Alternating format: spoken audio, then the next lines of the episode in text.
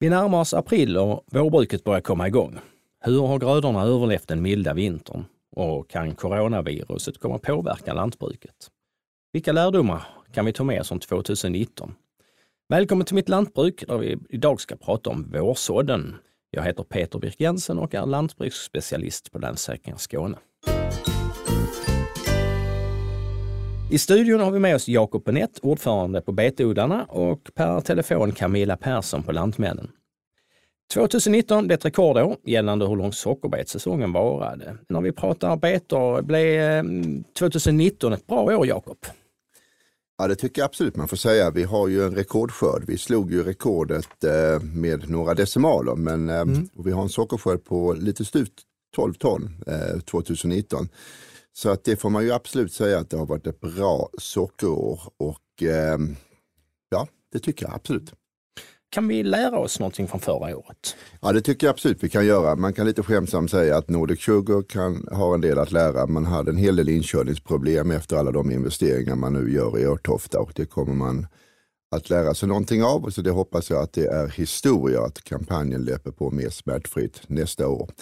Tittar vi på betodlingen så kan vi ju lära oss det. Vi hade en, en relativt bra och tidig etablering, vilket alltid är viktigt för en bra sockerskörd.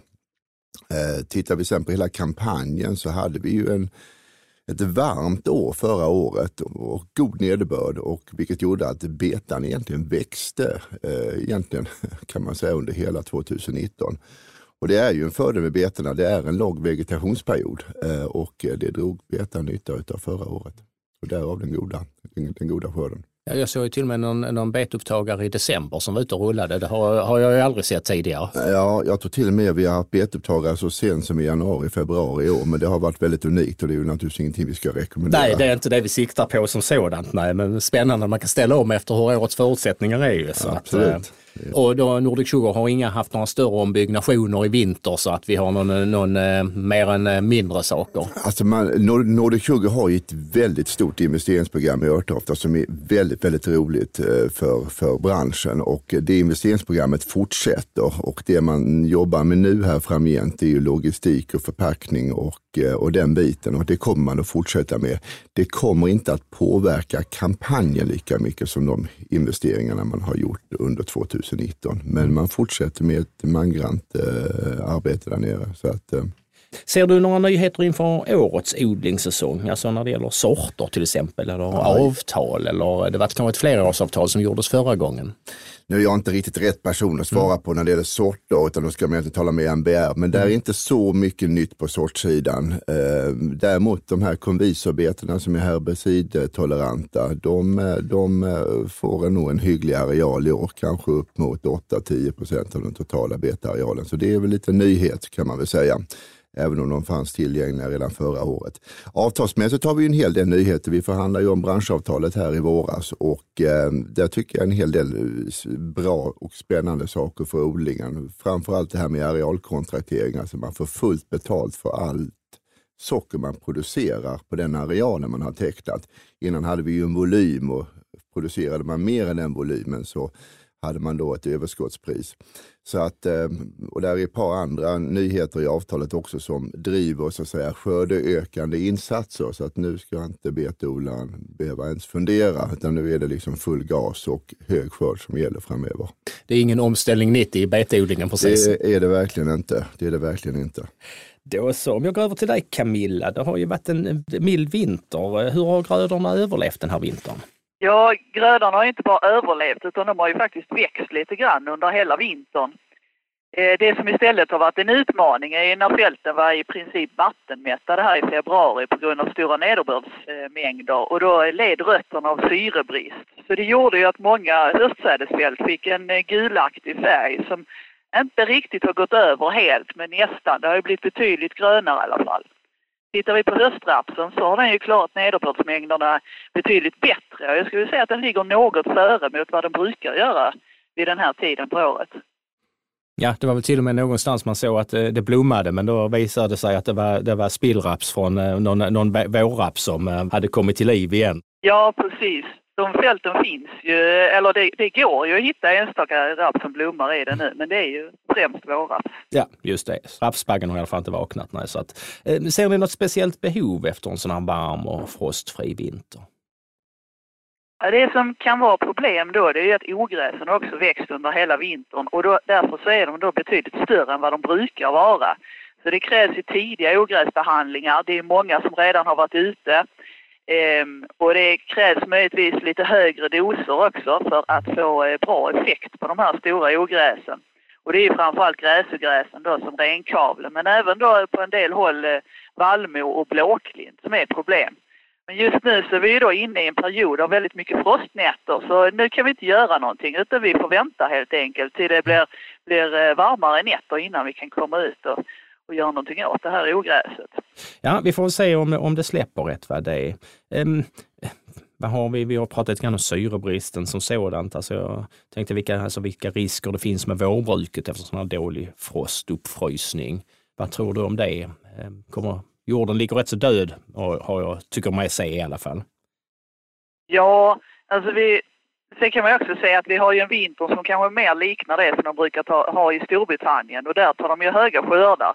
Så jag är egentligen inte så orolig för det. Men vi kan ju se att vårbruket reder sig sämre och eh, det kan ju då krävas en extra harvning för att få till tillräckligt bra såbruk. Det är väldigt bra, eller viktigt med etableringen här för att faktiskt kunna bygga skörd så småningom. Så en strategi kan också vara att eh, man harvar över väldigt grunt en gång och låter det torka lite innan man kommer tillbaka med nästa harvning. Men just nu så tycker jag ändå att det ser, ser bra ut och det är ju sådd för fullt här i Skåne. Ja, jag såg det på vägen ner här idag eh, till Malmö när jag körde längs med motorvägen, att det var full fart lite grann överallt. Ja. Så, fantastiskt trevligt. Eh, Jakob, hur ser du som lantbrukare på vintern som har varit?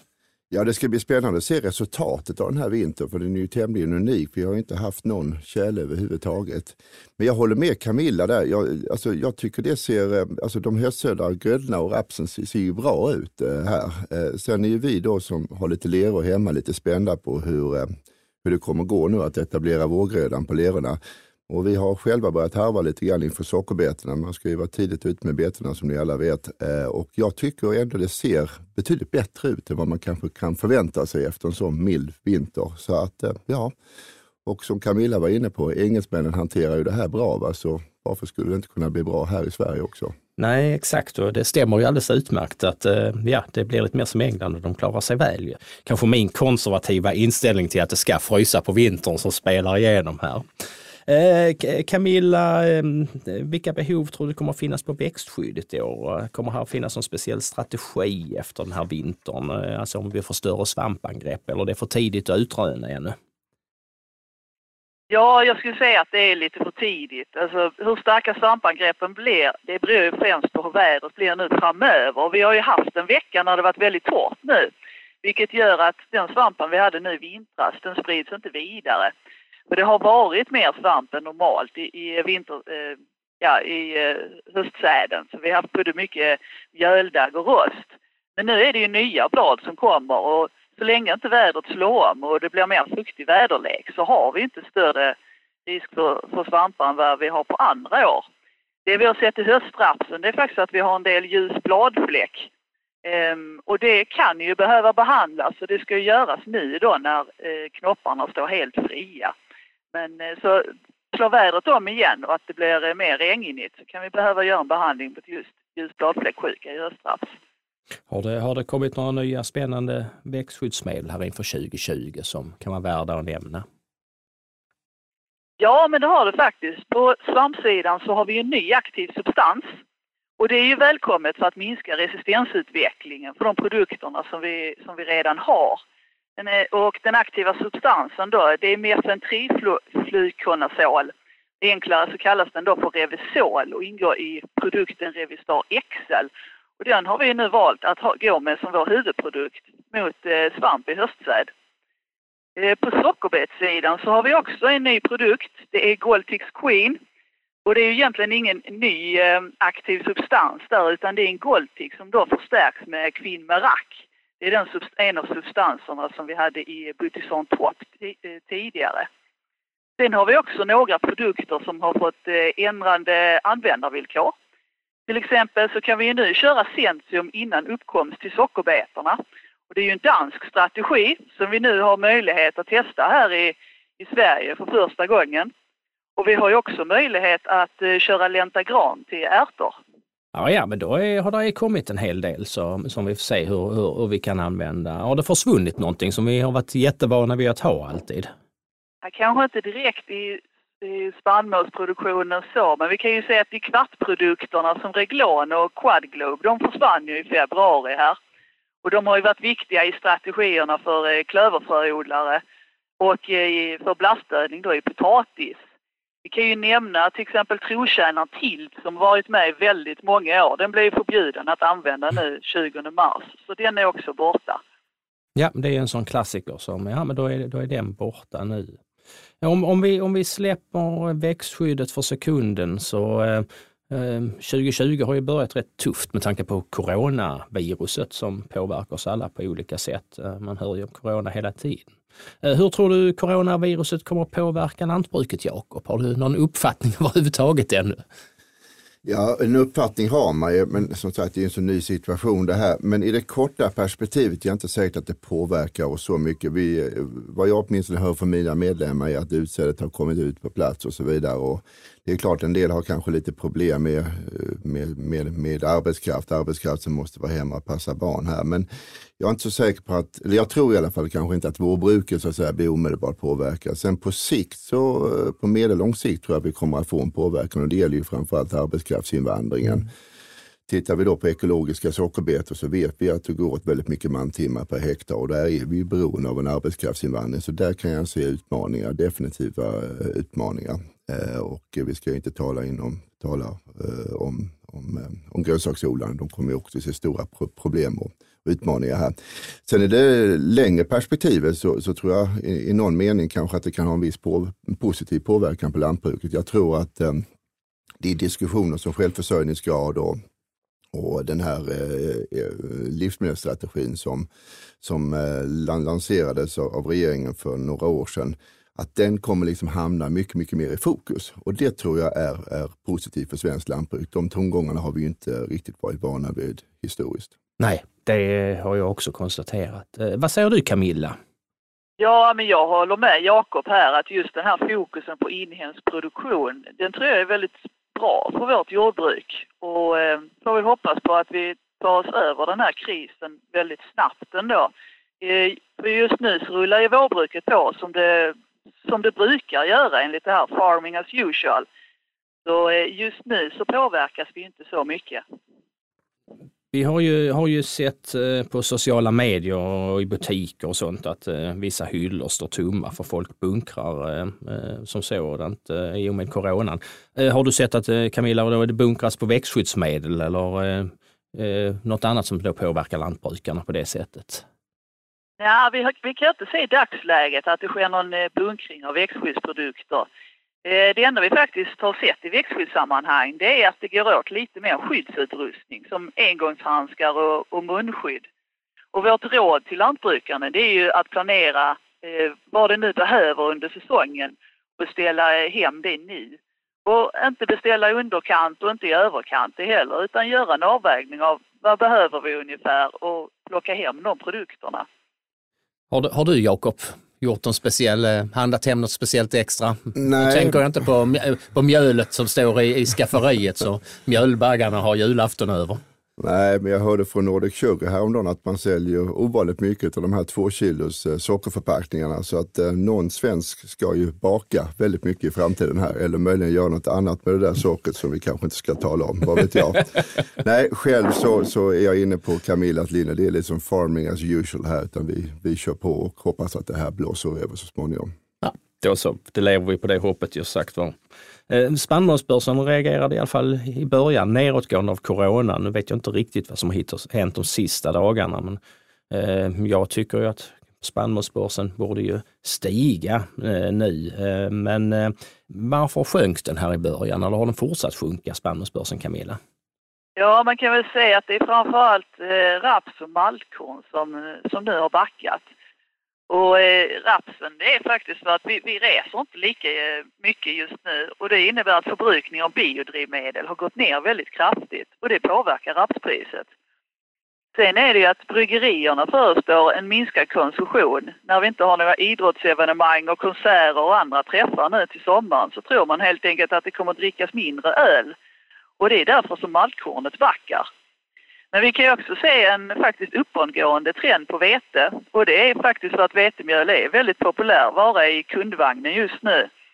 Och sen har vi också effekten av den försvagade kronan mot jorden som gör att vi faktiskt inte faller så mycket på maltkorn och oljeväxter samtidigt som då höjningen på vetepriset förstärks.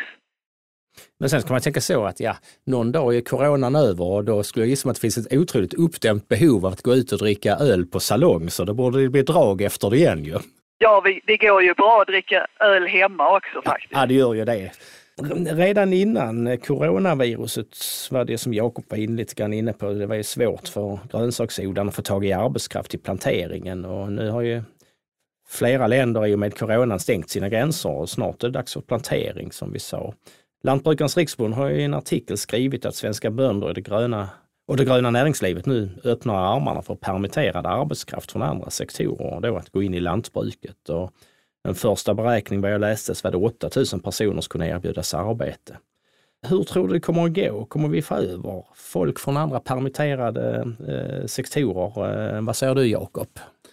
Ja, jag hoppas verkligen det, även om jag kanske är lite sådär, ja, vi har väl kanske inte riktigt den traditionen i Sverige. Men jag tycker det är ett väldigt bra initiativ av LRF att, eh, att lyfta de här sakerna för att det är ju klart att den arbetskraften som behövs här nu framförallt inom grönsaksodlingen är ju yngre människor under kortare perioder och här kan jag ju tycka liksom att alla de permitteringar vi ser här nu framförallt inom restaurang och servicebranschen hade ju passat alldeles ut ypperligt. Så jag hoppas verkligen att vi får den här liksom lite nationella samlingen här och eh, om inte annat hade det varit väldigt, väldigt kul för, för Sverige som land att visa omvärlden att vi kan hantera det här eh, och liksom mm, ja, jobba ihop och, och, och liksom få den här nationella samlingen. Men ändå kanske lite skeptisk till hur, i vilken utsträckning det kommer att ske. Vad säger du Camilla? Vad säger ni på Lantmännen om det? Eller har ni pratat om, om det här problemet? Nej, det är väl inget som vi riktigt har diskuterat på Lantmännen.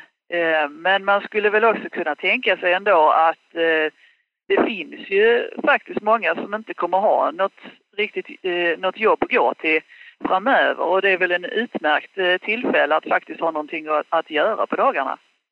Vad säger vi Camilla, kommer vi få sämre tillgång på växtskyddsmedel på grund av coronan tror du? Alltså just nu så jobbar ju alla i varuflödet av växtskydd för att förhindra tillgångsproblem. Mm. Och tillverkare har flyttat produkter närmare slutmarknaden och vi på Lantmännen tar ett större och eh, tidigare position på, eh, på växtskyddsmedel. Um, men det är ju trots allt inte förrän växtskyddsprodukterna finns på gård som tillgången verkligen är eh, säkrad. Men eh, just nu så ser det lugnt ut. Men sen vet man ju inte. Alltså det kan ju komma dramatiska politiska beslut som gör att det är svårt att få ut produkterna. Men det, mm. det vet vi ingenting om, om idag. Sen så skulle det istället öka ett växtskyddsbehov så, så kan det uppstå brist också och det gör det ju även andra år. Det, det beror inte så mycket på, eh, på coronan. Mm, det stämmer ju helt och vi har ju då historiskt också haft problem med, med stölder och det får vi kanske som försäkringsbolag påminna om att eh, vikten av att, eh, att se till att man har bra lås och larm och eh, skyddar sina produkter. För det kan ju vara ett år som jag kanske ännu svårare att få tag det. Vi vet ju inte hur länge det här varar som sagt var. Då säger jag tack till mina gäster, Jakob Benett, ordförande på Betodlarna och Camilla Persson på Lantmännen. Det var allt för Mitt Lantbruk för den här gången. Vill du lyssna på tidigare avsnitt så hittar du dem på www.lansforsakringar.se skane mittlantbruk eller där poddar finns. På återhörande.